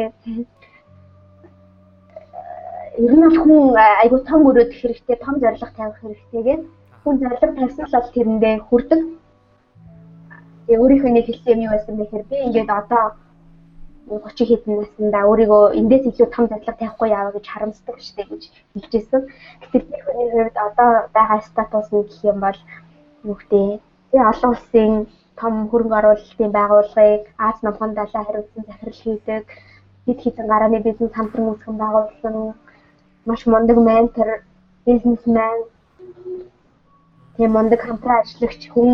Би ингээд илүү том өрөөд хэрэгтэй байсан ингээд хэлсэн тэр үгийг би ерөөсөө мартаж чадахгүй байгаа толгой дотор ингээд эргэлдээд нэрээ өнөөдөр өөртөө тавьсан зорилгоудаа эргэж харах хэрэгтэй юм байна. Би ямар зорилго мөрөөдөлтэй байгаа бэлээ те миний өнөөдөр тавьсан зорилго мөрөөдөл намайг одоо миний хим хэмжээг тодорхойлох юм байна гэдэг ч юм уу тийм олон одоо бодол төрөөд илүү том зорилго руу илүү өөртөө ихтэйгээр илүү хүчтэйгээр урагшлах дайрч орох тэр эрт хүчийг бас авсан ер нь бол нэг 21 хоногийн өмнө л дөө. Маш гайхалтай. Тийм баярлаа. бусад хүмүүс өөрт нь нөлөө үзүүлэхээс гадна би өөртөнд ярилцаа сууж яхаа надад юу бодогдчих байна вэ гэхээр өөрөө бас маш их бусдад нөлөөлдөг хүн шиг надад санагдлаа л та. Одоо бусадтай их ярилцах дуртай, бусдын ажил хэрэг одоо төсөл ажил ч юм уу? Тийм ээ тэдгээр зүйлс хаана явж ийн? Яаж туслах уу? Шин санаа оноо? Яаж уралдуулах уу гэд энэ бүхэн дээр нь тусалдаг юм надад санагдлаа. Тэгээ өөрөө ч гэсэн хэлжээсээ бясалгал хийгээ те а бясалгал хийж явахдаа ер нь бол тэр одоо тэр бясалгын нь одоо яг гол үндэс нь болохоор өөрөөсөө гэрэл хийгээд цацруулах гэдэг энэ бол өөрөө эргээгээд энэ ертөнцид идэрэггүй гэх нь өөрөөсөө гэрэл цацруулах бусдад сайн сайхныг биелэглэх ийм сайхан хандлагаар хийж байгаа зүйл юм болов гэж бодогдож байна. Нь өөрөө тийм ээ өглөө болгон ч юм уу ер нь яг бусдад нөлөөлөхийн тулд өөрийгөө хэрхэн бэлддэг вэ? Ер нь энэ бол яхаа арга өөрөх нь ажлын бас чухал чухал хэсэг баг тийм ээ. Тийм учраас үүнд өөрийгөө хэрхэн бэлддэг вэ сэтгэл санааны хувьд? Хичнээн их сайхан асуулт байна. Аа, ер нь хичнээн завгүй байсан ч гэсэн яаж хийж байгаад ингээд намайг зориод чамаас юм асууя. Нэг юм тодруулах гэсэн юм а гэд ирсэн хүнийг би өө би завгүй байна sorry гэд явуулахгүй байхыг хичээдэг. Тэгээ заа гэлтэй мэдээ 20 30 минут 1 2 цаг зарцуулаад ярилцдаг миний ажлын онцлогч бай, хөв хүний онцлогоос шалтгаалаад яагаад ч юм ингээд яаж хийж байгаа л хүмүүстэй ярилцах болсон байдаг. бизнесийн талаар янз бүрийн санаа оноо, төслийн санаа оноо, эсвэл нэг ивентийн санаа оноо нөгөө талаас би ингээд өөрийгөө э, жоохон залхуураад байна гэж бодож юм. Гэтэ яагаад тэгээд аага мэдэхгүй байна. Чи чи мэдэж гинөө ч юм уу тиймэрхүү юм ингээд асуудаг хүмүүс байна. Тэр болгонд хүнтэй яг өөрийгөө юу гэж юу нь бэлтдэг вэ гэхээр миний хувийн үнэт зүйл байдаг л да. Аа хүнтэй ер нь бол чин сэтгэлээсээ харилцдаг. Аль болох чин сэтгэлээсээ нээлттэй харилцахыг хичээдэг. Тэгээд чадхаараа явахыг хичээдэг. Тэгээд миний ярьсан зүйлээс хүн урам зориг аваад ингээд ярьж дууссаны дараа намайг амар чанга тэврээ тэ дараа нь ингээд таарах болгондоо яг над руу гоё харцаар харах тэр мэдрэмж өөрөө намайг айгу ухааруулж бас айгу эрт хүч өгдөг тийм хайр мэдрүүлдэг. Ер нь бол эргээд би тэр хүмүүсээс ингээд айгу их зүйл авдаг учраас хүмүүст ядаж өөрийнхөө өгч чадах зүйлийг өгөх хэрэгтэй юм байна. 10 минут амьдралынхаа 20 минутыг гаргаад хүнтэй ярилцахад юу болохгүй гэж тийм. Нэг бизнесийн санаан дээр нэг шин санаа нэмээд чадхаараа бахан ч гэсэн хөв нэмрээ оруулчих тэр сэтгэл зүйн болоод цагийн менежментийг өөртөө гарганаа л гэж өдр болгон хэлдэг. Тэгээл энэ сэтгэл зүйн бэлтгэлтэй байдаг та. Маш гайхалтай хувийн үнц нь түүнийг чухал чухалдаг эрхэмлдэг санагдлаа маш их баярлаа. Аа баярлаа. Энэ өнгөрсөн 7 хоногт гаргаад буй амжилт юу вэ? Энэ бол одоо 6 дахь асуулт байгаа. Гарсан амжилт яг миний амьдралын нэг хамгийн тийм маси буюу эмх замбраг үеийн үед л бах юм асуудлаад. Ч гэсэн ойлгож байна. Адилхан цаг үе. Тэгээ аха гаргасан амжилт гэвэл аа юу гэдэг амьдралынхаа бас нэг шин хэллийг тавих зорилгодоо нэг алхам хүрэх тэр үйл ажиллагааг өөрийгөө яалж дийлээд эхлүүлээд явж байгаадаа л явж байгаагаа гаргасан амжилт гэж юм доо. Хажуугаар нь алдаа унаа айгүй их. Гэхдээ яг хуу одоо диплом энтер бичижсэн эсвэл өөрийн дедлайн айгүй тулцсан маш чухал судалгааны ажил хийж байгаа залуучууд хүмүүс бол айгүй сайн ойлгох байх. Нэг юмыг ингэж өөртөө дисциплин тавиад, тэ өөртөө зорилго тавиад зүйлийг яаж исэн ч дуусгах нь гэдэг тэр зорилго зорилгыг тавиад юм хийнэ гэдэг бол хүнд ямар мэдрэмж төрүүлдгийг мэдэх бах. Тэгэхээр айгүйх тийм ирч хүчтэй нэг шинэ чаптер эхлүүлэх нэг хуудас эхлүүлэх ёо хуудас эргүүлэх алхам хийснийг л одоо амжилт гэж бодож байна да өөрийнхөө талаар өмнө нь хэлсэн те бас айгүй их зүйл сурж авсныгаа би амжилт гэж бодож байгаа. Дараа нь энэ алдаануудаа би давтахгүй гэж өөртөө амласан байгаа. Тэгэхээр энийг ер нь амжилт гэж хэлнэ. Тийм 100% өөртөө ихтэйгээр лам бичснийгээ би амжилт гэж хэлнэ. Тийм шүү дээ. За би энэ дээр нэг айхтар хариуцлагатай гэж хэлж болмоор нэг асуулт асуумаар байна. Тэр нь юу гэхээр энэ жил 23 нас хүрсэн те блог дээрээ тэгж хэлсэн зөв үү? Аа тэр миний 23 настай байхдаа бичсэн блог. Тэгээд би сая 3 сард 24 хүрчлээ. Аа за. За. Гэтэ ерөнхийдөө бол маш одоо яг энэ цаг хугацаа бол юу гэх юм хүмүүс яг одоо өөрийнх нь амьдралын одоо яг энэ цаг үедтэй яг адилхан цаг үед амьдарч байгаа тийм надтай адилхан чамтай адилхан маш олон хүмүүс байгаа. Сургуулаа төгсөөд ингээд ингэж байгаа. А зай одоо ингээд харьцуулах юм бол биш харьцуулах юм бол биш ээ. Одоо ингээд хүмүүс ингээд сургуулаа төгсчөөд харьцуулах юм бол юм байна. Зарим хүмүүс ингэдэг штэ. Ингээ за одоо л ерөөсө өнгөрсөн 4 жил би оюутан байхдаа өнгөрсөн хэдэн жил оюутан байхдаа би өөрийнхөө эхлүүлэхийг хүсэж исэн юм а эхлүүлж амжсангүй. Тийм учраас би одоо зүгээр л уламжлалт байдлаар буюу аав ээжийнхээ ээжээсээ ажлыг ч юм уу хийгээд нэг ажилд ороод өглөө 9-оос орой 5 хүртэл ажиллаад ингээд нэг амьдралын энгийн хэм маягт ороод Тэгээ нэг сайхан iPhone 10 худалдаж аваад зээлэр аваад нэг байр машин аваад тэрийг лизинг дийгээд ингэж амьдрахыг амьдрийг чийдсэн хэсэг хүмүүс байгаа. А аль эсвэл нөгөөтэйгөр за одоо л өстой хүссэн дураараа амьдарч те хийхийг эхлүүлэхийг хүсэж исэн бүх юмнуудаа эхлүүлж өстой амьдралдаа маш том том эрсдлүүдийг авахыг цаг нь ирлээ тийм ээ? Ирэх 5 жил ч юм уу. Ингэж бодож байгаа нэг хэсэг хүмүүс байгаа. Аль эсвэл ерөөсөө шийдвэрээ гаргаагүй аль замаар явах уу гэдэг ийм хэсэг бүлэг хүмүүс байгаа. Өөрөө одоо яг аль замыг сонгохоор шийдсэн бэ? Бас мөн энэ шийдвэр дээр ирээд тулаад байгаа энэ хүмүүст өгөх зөвлөгөө юу нь өөрийнх нь хувьд юу вэ? Айгуу чухал асуулт байна тий ер нь бас бодож явдаг үеийнхэндээ ч юм уу хамт байгаа залуучуудтай хэлэх юмсан гэж бодож явдаг зүйл байна л да. Зүгээр өөрийнхөө алт онон дээр бодоод үцхэд би болохоор дахь төрлийн хүн. Юу гэдэг туршаад үзье. Өөртөө одоо байгаа тэгээ 4 жилийн турш хөрөмтлүүлсэн юм миний 6 жил ахгүй юу? Тэгээ хөрөмтлүүлсэн зүйлээ ингээд хэрэг болох газар нь гаргая би ингээд өөрт байгаа зүйлсээ бариад хөлөө хүрэх газараа явъя гэж шийдсэн байгаа. Ер нь сургуулаа төгсөхийг маш их хүссэн. Аха, би ч гэсэн. Яагаад тэгэхээр тэгээ яагаад тэгэхээр нэгдүгээр 2 жилийн хойно одоо вишнээсээ 2 жилээр хоцорч төгссөн. Аа тэр хоцорсон 2 жилдээ гэхдээ би ерөөсөө харамсгааргүйгээр өнгөрүүлж чадсан. Аа нэгдсэн үндэсний байгууллагын залуучуудын зөвлөх хорон сайн дурын үндсэн дээр ажиллаж маш мундаг хүмүүстэй одоо олон улсын томоохон төсөл хөтөлбөрүүд дээр ажиллаж өөрөө ивент центр зохион байгуулагч гэдэг юм ингээ янз бүрийн юм үзэж туулж маш олон хүмүүс танилцж туршлага хөрөмтлүүлж явсан учраас тэр 2 жилийг аа юу гэх хүмүүсийн хайнд төгсөж байгаа 2 жил биш би харин урд жоохон бардам хэлэхэд урд төгсөж байгаа 2 жил гэж би боддог.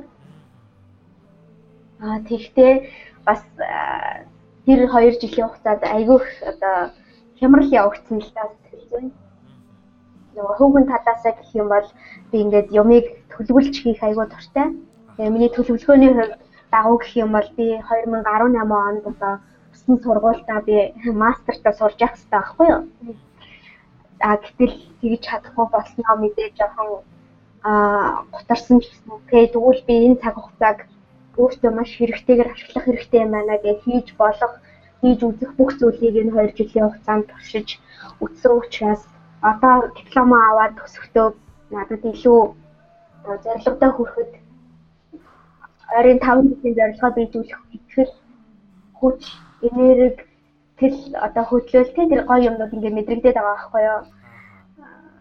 Өмнө нь бол заюутай ч ингээд яс төгсөж энэ төр гэж боддог байсан бол одоо одоо тэр харах үнцэг яаж ч санаасаа нэг өөр гоё санагдаад тэгэл хаашаа чарсан хүссэн зүг рүүгээ гүйх боломжтой юм шиг санагдаж байгаа учраас тэгэл айгүй гоё байгаа. А нөгөө талаас төгсөөд яхаа мэдгүй байгаа залуучууд мэдээж маш олон байгаа. Тэр бол бодит байж ямар ч нэг офисын ажилд ороод эсвэл нэг доктортой ажилд ороод л авъя гэж бодож байгаа залуучууд байх юм бол come on тий өнөөдөр 20 хэдэн наснда бид нарт алдаад байх юм юу ч байхгүй бид нарт өөрийн маш их одоо юу гэдэг компани үйл хамжлагч биш бол бид нарт өөрийн гэсэн тийм хөрөнгө алдах зүйл юу ч байхгүй харин ч залуу насныхаа 5 10 жилийг илүү их зүйлийг туршиж сурч өөрийгөө одоо чаленж хийж risk taking гэдэг чинь тий гоё тийм аа дэрстэл хийж залуу насаа гоё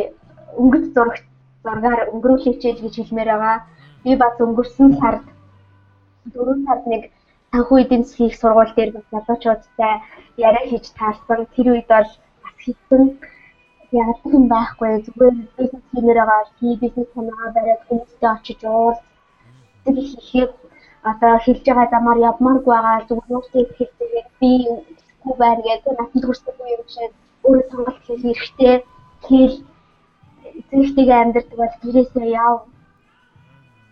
Өөрөө ингээд тустай амьдраад үз байр энэ төр түрээслээд амьдраад үз хүний туулж болох те сайн муухай бүхэл зүйлийг биеэр мэдрээд үз. Яг тэр үед ингээд хүн юу гэдэг ямар ч хүнд ачааг ямар ч том цохилтыг даах ямар ч сайхан зүйлийг ч гэсэн сэтгэл өдрөөр хүлээж авах тийм тэнхээтэй болчтой болов гэж бодож байгаа учраас сургуулаа төгсөж байгаа залуучууд байх юм бол диплома бариад те хүссэн газараа яв хийх хүссэн ажлаа хийх хүмүүсээ ярил өөрийн гэсэн үн цэн шаардлагыг бусдад тавьж үз а тэр чинь хараахан байхгүй байгаа бол янз бүрийн зүйл хийж үзээд тэрийг олж тогтоо Тэрөөсөө бидний залуу байхдаа олж мэдэх хэвээр хамгийн чухал зүйл гэх юм бол яригддаг шүү дээ. Юу чаддгаа сайн мэдгээд нөгөө талаас өөрийн гэсэн хүн хүний үн цэнтэй болж авах юм бол нэг явах зүг чиг аянда харагдаад эхэлдэг юм шиг санагддаг. Аа. Тэр битгий 4 жил юм сурсан юм шиг сураагүй юм шиг санагдаж магадгүй. Гэхдээ ингээд өөрийгөө сонсох юм бол айгүй олон зүйл сураад бидэрсэн байгаа. Их сургууль биднэрт зөндөө юм зааж өгсөн байдаг тийм. Одоо цагийн менежментээс ахуулаад би даалтаа цагаа цагтаа өгөх шалгалт нь бэлдэх багш нарыгаа яав сайн ятхан үнэмшүүлж найрах вэ гэж тэр чинь communication skill шүү дээ. Маш олон зүйлсийг заагаад өгсөн байгаа. Би юу сурсан бэ гэдэг зүйлээс зүйлээ өөрөөсөө асуу. Илүү их одоо юу гэдэг гомдлохоос илүүтэйгээр өөртөө байгаа гой зүйлсээ хараад тэгээл дайраад хэлмээр байна. Тэгээ мэдээж бас нэг бахархалтай зүйл нөх юм бол бас Монгол залуучууд юу айгүй багасаа 15 6 сар хүүхдүүд залуучууд ингээд одооноос гоё хүсэл мөрөөдөл зоригтой тэрнийхээ төлөө тууштай явдаг. Тийм олон залуучуудтай би таарсан таардаг өдөр болгон уулздаг. Тэгээ тэр нь бас миний бахархдаг зүйл илүү их тэр уламжлалт нийгмээс манайхан бас нэлээд гарсан залуучууд амбицтай өөрийн гэсэн хүсэл мөрөөдөлтэй гоё ирч хүчтэй гоё байгаа. Тэгэхээр манайхан юу н гоё байгаарай л гэж хэлмээр байна. Гоё байхгүй байх юм бол тэрийг ингээ гоё болгох. Юу гэдэг тэнхээтэй байгаарэ гэж хэлмээр байна.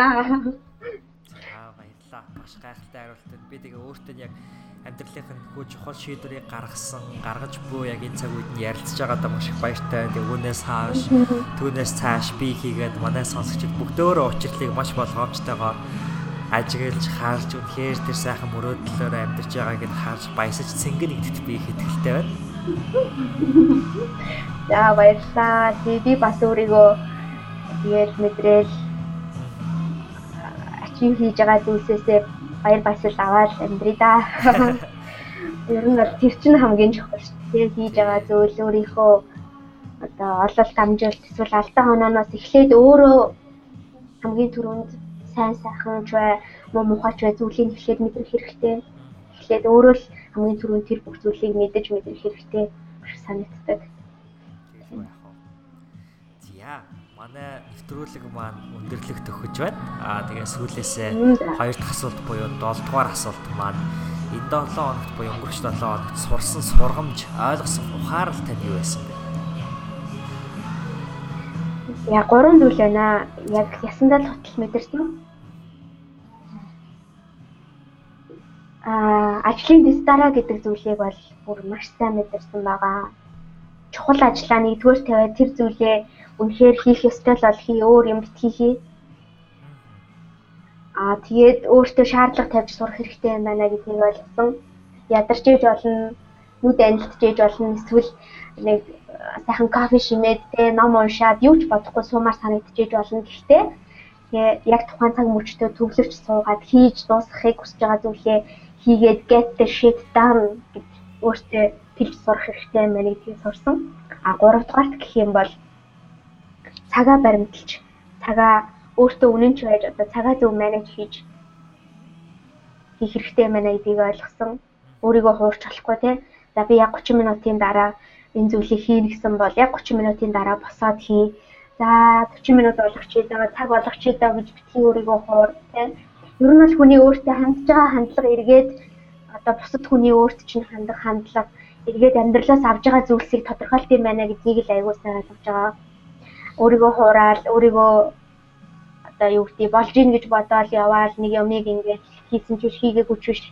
Эсвэл юу гэдгийг ингээд 2 3-ын хооронд яваад ах юм бол эргээл зөвхөн тэр зүйл биш амьдралд одоо бусад зүйл ч гэсэн тэгж хандах юм байна те гэр бүлийнхэн чухал ажил одоо их сургууль те тэр зүйлтэй ч гэсэн тэгж 2 3-ын хооронд хандах тийм хандлага тогтдог учраас ингээ юмд хандах хандлагаа айгуу сайжруулах хэрэгтэй юм байна гэдэг иймэрхүү зүйлсүүд 3 хичээл барыг 4 юм ярьчлаа.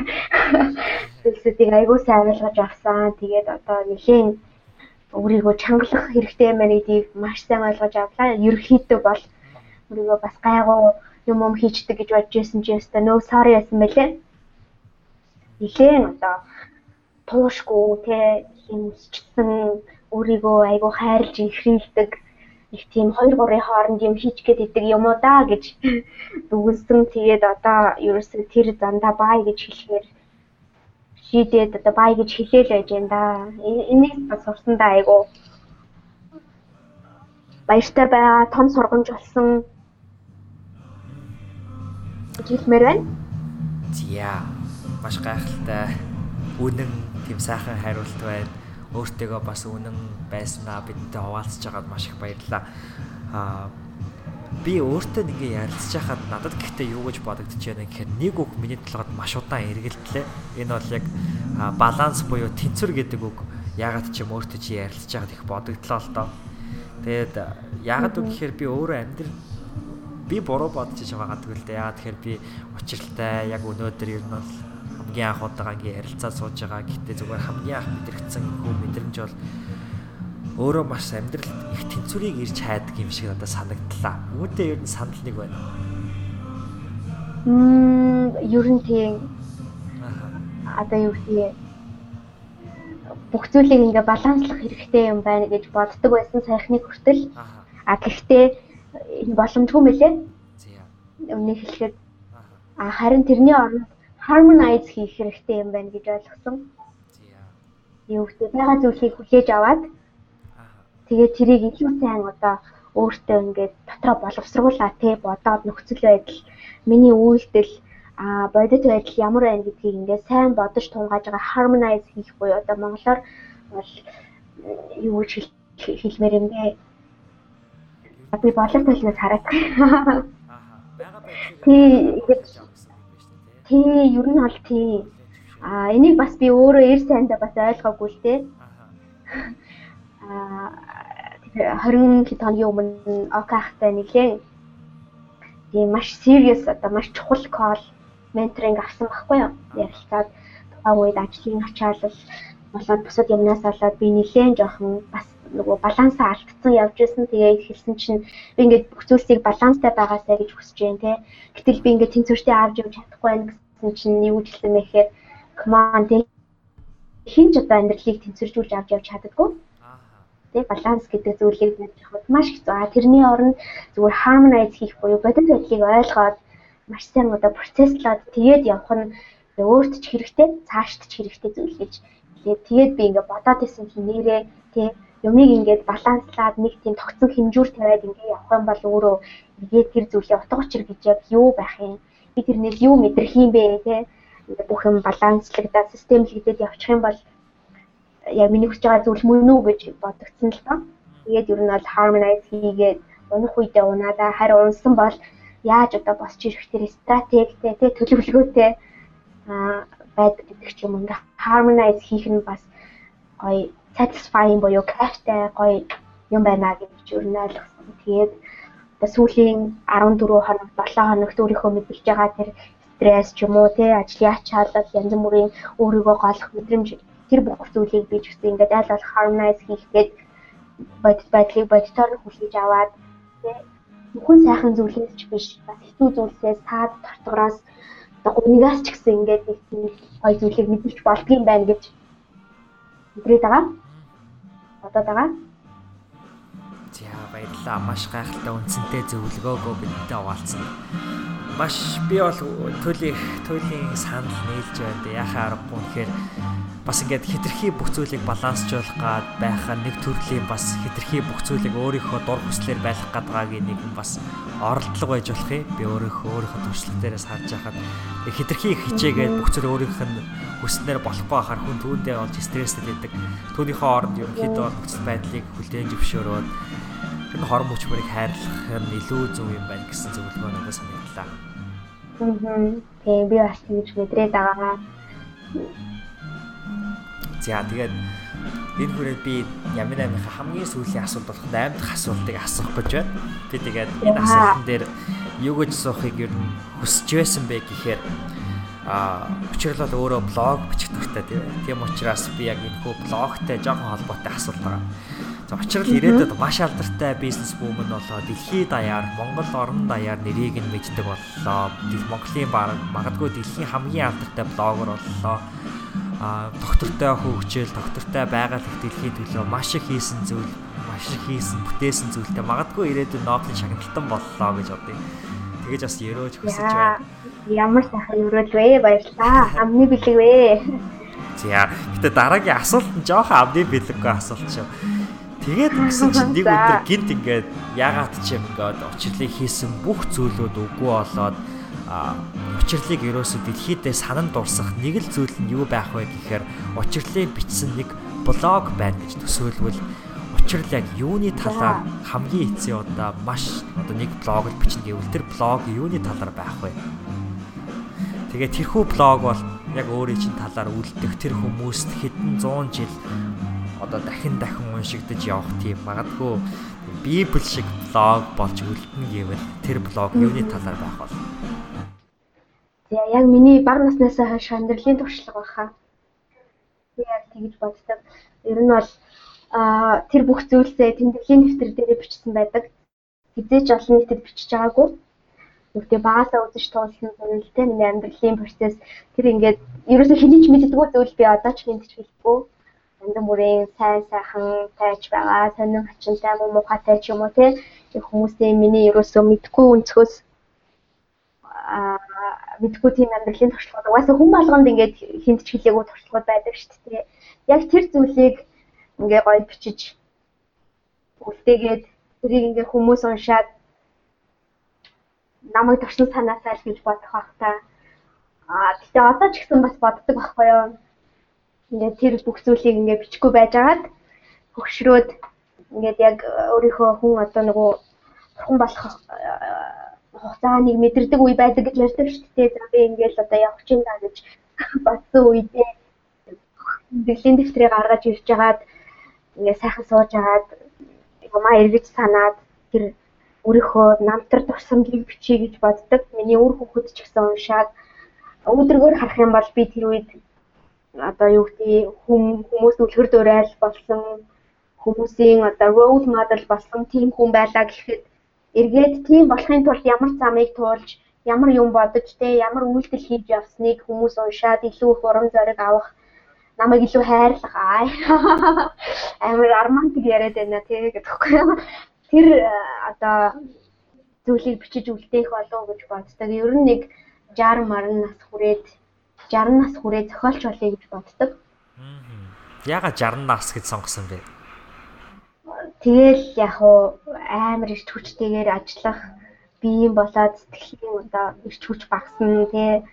Ягаад ч юм цаанаасаа зүгээр миний л таамаглалаа цаанаасаа ингээд амар амгалан зүйлийг одоо ингээд миний бие эргэлхийж эхлэх ба. Тэр үед бичиг цаасны ажилдаа зурлаа гэж боддог. Ер нь нэг цаад миний зүнс лөвн надад хэлээд идэв юм а чи яг нэг 60 65 хүрээл яг бичгийн хүн болно гэж. Тэгээд одоо ч гэсэн блог энэ төр бичихээрээ ер нь бол блог бичих миний нэг төрлийн бяцлах байхгүй юу? Яг блог бичих байхдаа тэр зүйл дээрээ төвлөрөөд ингээд тухайн өв өсөг болгоно мэдрээд тэг болгоныг ингээд те одоо гүндүүгөө хайнг бичвэр байсан ч гэсэн тийм өөр төрлийн бичвэр байсан ч гэсэн бүгдийг мэдэрч бичдэг болохоор тухайн үед ингээд бүх зүйлээс татаад гоё бясалгал болж өгдөг учраас яалтчгүй би тухайн үед бясалгал хиймээр санагдах. Retired болмоор санагдсан бол энэ бичнээ, зохиол бичнэ тэр үедээ яг мэдээж хүнд ч хэлж байгаагүй гоё туршлага амьдралын туршлага зөвхөн өөрийнхөөсөө гадна амьдралдаа уулзсан сайхан хүмүүс надад ингээд миний ерөөсөө тэр хүмүүстэй уулзаж ярилцахаас маш ухаарахгүй байсан зүйлийг зааж өгсөн намайг ухааруулж өгсөн тий хамгийн ихээр баяртай байлгасан хамгийн ихээр ойлуулсан өнөглүүлсэн тэр бүх түүхийг бичиж гэж боддог. За баярлалаа маш их. За. Маш сайхан хариултууд өгч өнөөдрийн нэвтрүүлгийн маань зочин болж оролцсон учралд маш их баярлалаа. Тэгээд эцсийг нөхөө хором өөрт нь үлдээвэл ер нь манай сонсогч нарт хуваалцах, сонин хачин, сүлд нь дуулгах тийм зүйлс байвал бас хуваалцаасай гэж хүсээд нэвтрүүлгийнхаа сүүлийн хормыг бас өөртөө бэлгэлж байна. За баярлалаа. Тэгээд аа бэлгүүнээдээ ч гэсэн урьж оролцсон баярлаа. Бодож сандаг зүйлээ тэр болгоо ярьж бичиж чаддгүй зүйлээ хуваалцах боломж олгож бас цагийг маш гоё өнгөрүүлэх боломж олгосон баярлалаа. Тэгээд гавн подкаст нь маш таалагддаг. Залуучууд хүмүүс уншихад аа маш зөв зохистой, их юм сурах юм ихтэй хүмүүсийн талаар хүмүүсийн амьдралын туршлага болоод тэдгээрээ дамжуулж өөрийнхөө тухай олж мэдэх хамгийн боломжтой хамгийн гоё подкастуудын нэг гэж боддог. Баярлаа. Тэгээд тэгээ тэгээ илүү хичээгээрээ илүү гоё гоё подкастууд ирээдүйд гарах байхаа чаднаа гэж бодож байна. Яг сүүлийн хормыг ингээд үлдээе гэж хэлчихээр юм орж ирдэг юм байна. Гэхдээ яг гоо сонсч байгаа хүмүүстэй зайлшгүй өөрийнхөө цаг хугацаанд яг өөрийнхөө амьдарч байгаа газрыг, өөрийнхөө хажууд байгаа хүмүүсийг, өөрийнхөө хийж байгаа зүйлийг мэдэрч байгаа мэдрэмжээ магадгүй энэ подкастыг сонсож сууж байхдаа ойр хадаа байгаа, хажуудаа байгаа бүх зүйлсийг ингээд хамгийн гоёор хараарай, хайрлж нэг хараад үзээрэй. Бид нэр өнөөдөр айгүй азтай.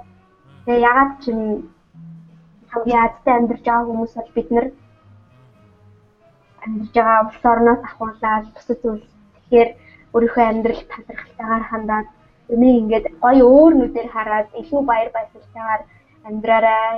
Тэгээ хүмүүс эргэн тойронд байгаа хүмүүс тийм байх юм бол юу гэдэг эерэг энерги инээд тий тэр гоё бодол чинь хүмүүс талддаг учраас магадгүй өнөөдөр манай нийгэм илүү хэрэгтэй байгаа тэр позитив бүх зүйл тэр юу гэдэг хүн хоорондын гоё харилцаанууд өөрөөс чи эхэлнэ гэдгийг мэдрээд өнөөдрөөс маргаашнаас өөрийнхөө засах юмсан гэж бодож байгаа зан чанараа таслаад илүү их эрэг байгаарай. Хийх гэж байгаа зүйлээ яг одооноос ихний алхмаа тавиарай. Өөртөө ихтэй гоё амьдраарай л гэж хэлмээр байна да. Баярлалаа маш ихээр манай сонсогч нарт маш сайхан урам зориг сэтэл энэ бүхний төрүүлсэнд би зөндөөх баярлж байна. Тэгээд бит хоёртай хамт байсан сонсогч нартаа ч гэсэн маш их баярлалаа. Миллиард явж байгаа энэ хөгжим төвхтэй гэхээс илүү тэгээд тааламжтай байсан гэж найдаж байна. Тэгээ хамгийн анх удаа яг нэг кофе шоп зугаад ярилцсандаа маш их баяртай нэг сайхан байлаа. Надад ч гэсэн ярилцах цаг хугацаа айгүй сайхан байлаа. Өөрийнхөө бодол болоод энэ тухай бодлоо ахиж нэг бадаж ингэж цэгтэлж иргэн санах тэр боломжийг олгосон гоё ярилцлага боллоо гэж үзэж байна. Айгу баяртай байна. Одоо яг ингээд нүүрэндээ мишэл тодруулаад ингээд тогтож ядаа айгу гоё сууж штэ. За маш их баярлалаа. Тэгээд оройг сайхан өнгөрүүлээрэ. Баярлалаа. Чи ч гэсэн оройг сайхан өнгөрүүлээрэ. Сонсож байгаа хүмүүс маань ч гэсэн 7 хоногоо сонссон өдрөө маш сайхан өнгөрүүлээрэ. Sending you hugs and kisses. Аа. За маш баярлалаа. Дипломынхын ажилд амжилт хүсье. Тэгээд баярлалаа. Баярлалаа. Баяртай. За баяртай.